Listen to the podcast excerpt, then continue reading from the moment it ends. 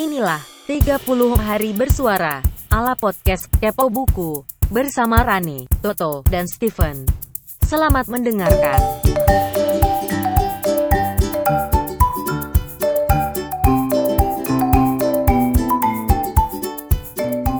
Kembali lagi di 30 hari bersuara bersama saya Steven di podcast Kepo Buku. Hari ini kita berbicara tentang pulang. Saya akan mencoba meresensi novel Pulang. Novel Pulang dikarang oleh Leila Heskudori dan edisi yang saya baca bersampul kuning bergambar sebuah kepalan tangan yang ilustratornya adalah Daniel Timbul Cahya Krishna. Buat saya sendiri, Pulang adalah salah satu karya terbaik fiksi sejarah Indonesia. Hal pertama yang mendorong saya untuk membeli dan membaca buku ini adalah karya Leila Eskudori ini memenangi penghargaan literatur bergengsi Indonesia Kusala Sastra Katulistiwa tahun 2013. Selain itu, buku ini mencuri perhatian saya lewat artikel-artikel di media Salah satunya rubrik People di harian The Jakarta Post yang menampilkan sosok sang penulis. Sebagai insan penikmat sastra Indonesia, terbersit saya harus membaca karya tersebut. Bagi saya, ini adalah bacaan yang harus dinikmati dan diapresiasi. Sungguh, Pulang adalah ulasan sejarah yang dinarasikan dengan elegan, memukau. Di novel Pulang, penulis ingin mengungkapkan bagaimana tidak nyamannya menjadi seseorang yang dicap sebagai musuh negara. Hal ini merupakan sejarah kelam yang diraja pada perjalanan bangsa Indonesia. Membaca buku ini merupakan sebuah kenikmatan tersendiri. Dengan cepat, kita melahap halaman demi halaman, ibarat kita membaca majalah Tempo yang dinarasikan. Salut untuk menulis yang mampu meramu kisah yang tak biasa ini dengan bumbu romansa yang pas. Racikan tersebut membuat kisah dalam buku ini menjadi lebih hidup dan berwarna, tanpa mengurangi esensi yang ingin disampaikan. Pulang dibuka dengan sosok bernama Harnanto Prawiro. Dia hanya sosok manusia biasa dengan hasrat dan ideologi di benaknya. Di Jalan Sabang akhirnya datang penjemputan dan seakan kiamat bagi orang yang paling dicari-cari pasca 30 September 1965. Dirinya dibekuk dan dijadikan tahanan politik. Beranjak dari babak awal ini, di bagian pertama, kehidupan seorang pria bernama Dimas Suryo diceritakan dengan baik. Bagian kedua adalah potongan kehidupan seorang gadis cantik jelita, blasteran Indo-Eropa bernama Lintang Utara. Bagian penutup menceritakan segara alam, aktivis mahasiswa yang berada di jantung reformasi Indonesia. Dari sosok Dimas Suryo, kita diajak berkelana mengikuti perjalanan hidup yang tidak mudah dari seorang korban malah praktek politik. Kegetiran akibat apa yang dialami Indonesia di tanggal 30 September 1965. Seolah jalan takdirnya, Dimas dapat lolos dari angkara murka pembasmian anggota partai berideologi komunis. Di sini kita dapat merasakan bagaimana rasanya lepas jauh dari negara yang kita cintai.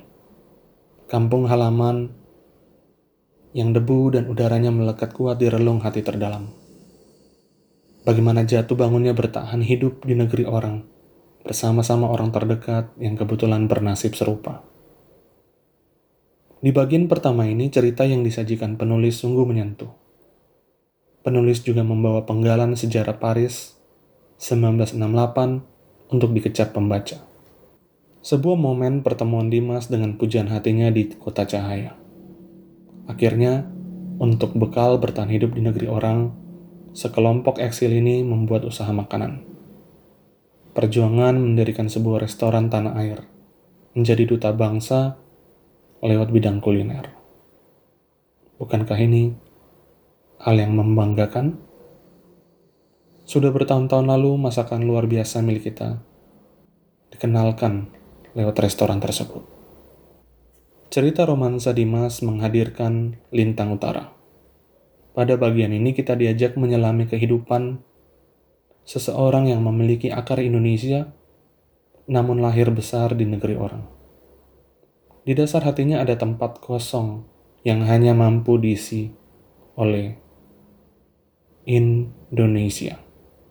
Tugas akhir untuk membuat sebuah film dokumenter berisi sejarah kelam para keluarga korban 65 membuat dirinya harus berangkat pulang ke negeri sang ayah.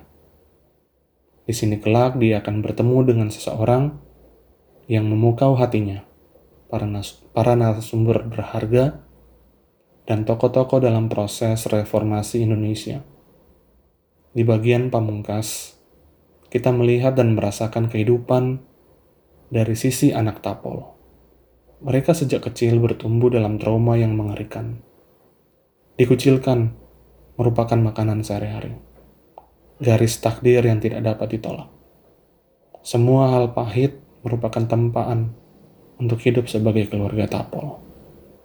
Di sini, kita dibawa menjadi saksi peristiwa sejarah kerusuhan Mei 1998 di Jakarta. Membaca cerita ini membuka tabir dalam pemahaman saya. Sebagai generasi muda, kita tetap harus memandang ke belakang, berempati untuk setiap penderitaan yang dialami oleh keluarga yang semena-mena dicap sebagai tahanan politik. Di salah satu bagian, penulis hendak menyindir kami generasi muda bangsa.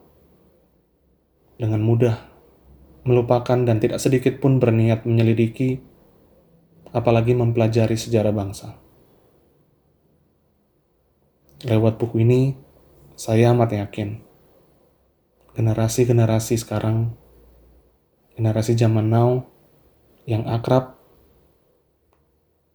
dengan internet, dengan sosial media mulai gelisah dan timbul rasa penasaran akan sejarah itu muncul dari dalam hati.